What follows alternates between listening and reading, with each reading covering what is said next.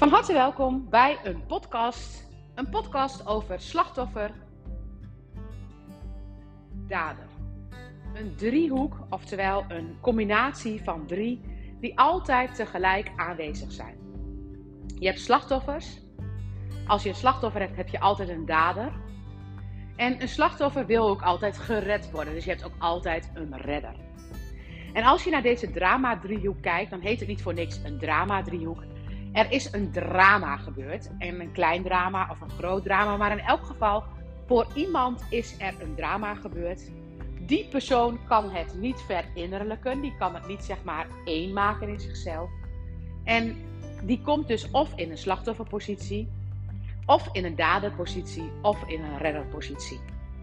En ga je kijken naar vechten, vluchten en verstarren, is het natuurlijk heel grappig.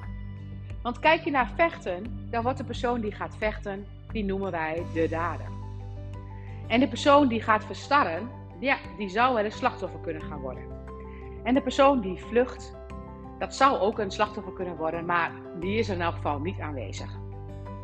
En kijk je naar deze reacties, dan is er één ding gemeen. Er is iets aan de hand wat een drama is. Er is iets aan de hand wat wij niet willen, waar we voor vluchten, wat we niet kunnen belichamen. En ben jij slachtoffer van iets, dan weet ik dus één ding zeker. Jij kunt iets niet belichamen. Ben jij dader van iets, dan kun jij ook iets niet belichamen. Want dan ben je ergens tegen aan het vechten. En wil je het redden, dan ben je op dat moment, heb je ook het gevoel dat er een drama aan de hand is. En dan wil jij dat drama ook niet belichamen. Want je kunt er niet neutraal naar kijken. Nou, slachtoffer, redders en daders, die heb je in het klein en heb je in het groot. Het moment dat we alleen al kijken naar goed en fout, dan dat heb jij niet goed gedaan. Dan wijs je iemand in de daderrol. Jij hebt dat niet goed gedaan. En hij heeft zich zeer gedaan door jou. Ben jij de dader en de ander is het slachtoffer. En kijk gewoon eens hoe vaak je in een rol zit van slachtoffer, redder en dader. Nou, op dit moment ben ik, heb ik de eerste les gegeven in de reeks, weer de nieuwe reeks van de Germaanse geneeskunde. En de eerste les was vorige week woensdag. En vanaf die tijd ben ik alleen maar aan het typen om uiteindelijk al die universele wetten in een soort van deelboekje te krijgen voor in mijn boek over de Germaanse geneeskunde. En ik ben inmiddels bij de ene laatste wet. En dat is de wet van oorzaak en gevolg. En als je kijkt naar de wet van oorzaak en gevolg, dan noemen wij dingen oorzaak, maar dan zijn het vaak al gevolgen. Dus er zit voor die oorzaak nog een oorzaak, wat eigenlijk, dat wat wij oorzaak noemen, dat dat al de gevolgen zijn. En eigenlijk is dat een spiraal die doorlopen doorgaat. Kijk je naar, oh ik weet de oorzaak, nou dan wil ik je direct al zeggen, je weet de oorzaak niet. En je hoeft de oorzaak ook niet te weten. Maar je mag wel zien wat voor oorzaak wat voor gevolgen geeft en hoe jij dus de veroorzaker kunt zijn van de gevolgen die jij graag wil hebben. Dat is een beetje een ingewikkelde zin, maar het moment dat jij doorhebt dat het een proces is, dan kun je dus nooit meer slachtoffer ergens van zijn. Want dan kun je voor jezelf zien: oké, ik ben de veroorzaker hiervan. Als ik hier de veroorzaker van ben, nou, dan is het wel vrij slim als ik een andere oorzaak, als ik een ander gevolg ga regelen. Dus regel je je eigen mooie gevolgen. Als je dan kijkt naar slachtoffer, redder, dader, heb ik ooit een opstelling gedaan. En die opstelling, dat was een opstelling waarbij een hele duidelijke dader was. Nou, ik moet heel eerlijk zeggen, zelfs in de opstelling, het was niet eens de juiste persoon natuurlijk, maar was ik echt boos. Ik was echt boos op hem. Ik vond het echt niet oké wat hij had gedaan. Bah! En dat gaat niet over een klein ding. In diezelfde opstelling hadden we ook een slachtoffer. Nou, dat was echt een slachtoffer, zeg. Potverdrie, wat had hij veel meegemaakt, die vrouw. En die man was echt dader. Hij keek in alle opzichten als dader. En toen ik als begeleider, nou, een soort van keek hoe ik dat eens eventjes uh, weer in balans kon krijgen. Hoe ik dat kon gaan redden. Dat was ik niet zo bewust mee bezig. Maar het was heel grappig wat er gebeurde. Want wat deed het slachtoffer? Het slachtoffer hield zichzelf tot slachtoffer. En als ik mijzelf als slachtoffer wat gebeurt er dan? Dan krijg ik nog veel meer slachtofferschap. Dan krijg ik nog veel meer situaties die daarop lijken. De slachtoffer die vroeg aan de dader om gebruikt te worden. Die vroeg dat gewoon. Dus in de opstelling gebeurde dat. En de dader, die zei, ja natuurlijk wil ik dat. Als jij daarom vraagt, dan doe ik dat. En natuurlijk zou ik graag willen dat die dader zegt van nou wat je nou van me vraagt, dat wil ik eigenlijk liever niet. Alleen als de een het slachtoffer is en de ander wil wel dader zijn, dan is dat zo. Dan weet ik zeker dat zowel bij de familiezijde van het slachtoffer er een thema is dat deze persoon slachtoffer is. Dat er iets veroorzaakt dat deze persoon slachtoffer is. En het ook bij het daderkant dat deze persoon in de daderrol staat. Dat is niet omdat hij dader is. Maar het is omdat in het systeem hij deze rol toebedeeld heeft gekregen. Daar zit een oorzaak. En die oorzaak, die vergeten we vaak. We denken hij is de oorzaak. Maar we denken niet dat hij een gevolg is van iets wat daarvoor veroorzaakt is. En dat dat wat daarvoor veroorzaakt is ook alweer een oorzaak bij zich heeft. En dat we op die manier, als we naar de spiraal kijken, soms heel ver weg in het systeem kunnen kijken. En dat hoeven we niet allemaal te doen. Maar het moment, echt het enige wat maar nodig is, is niet kijken via de slachtoffer redder dader.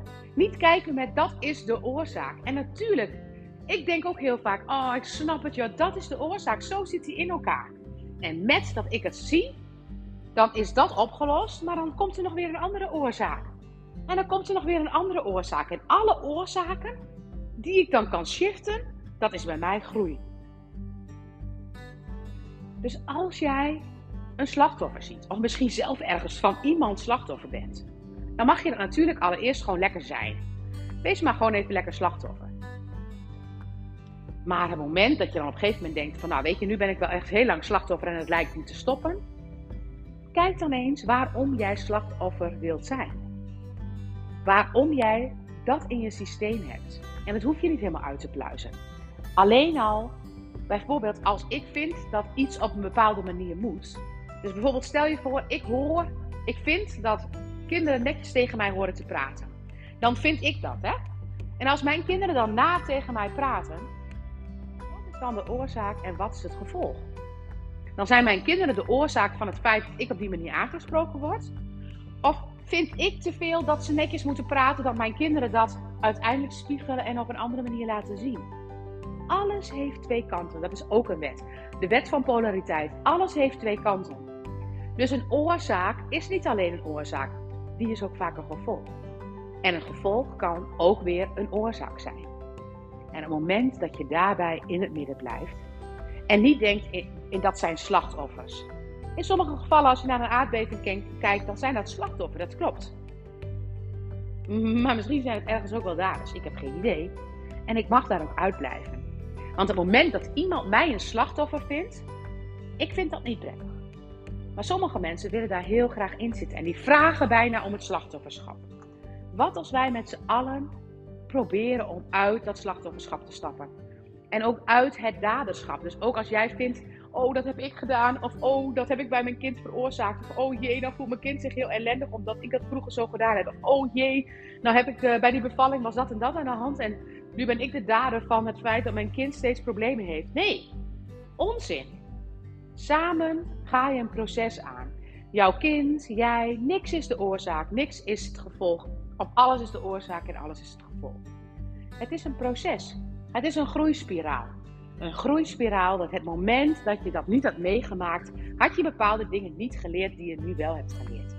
En het moment dat je daarvoor open staat en je niet meer kijkt via oorzaak, gevolg en schuld en wereld voor je open, dan blijkt alles heel anders in elkaar te zitten. En dan lijkt de weg vrij te zijn. En dan is, ben je niet meer bang dat je iets goed of fout doet. En natuurlijk wil je dan het beste. En wil je ook dat wat het beste bij jou past. En kies vooral dat. En als dat dan iets is waar je dan een klein beetje denkt van... Hmm, past dat jasje slachtofferschap mij wel wat ik op dit moment doe? Dan kun jij dat voor jezelf besluiten. Nee, dat past me niet meer. En dan ga je dat transformeren. Slachtoffer, redders en daders. Kijk maar eens naar het nieuws. Kijk maar eens naar school, naar straf. Naar... Er zijn heel veel plekken waar deze thema's aangeraakt worden.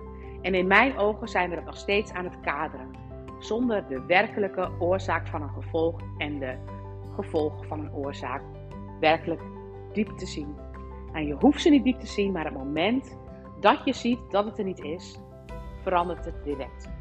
Toen die vrouw die steeds vroeg om slachtoffer te worden inzag wat daar gebeurde, kon zij het slachtofferschap loslaten en was ze geen slachtoffer meer. Dankjewel voor het luisteren.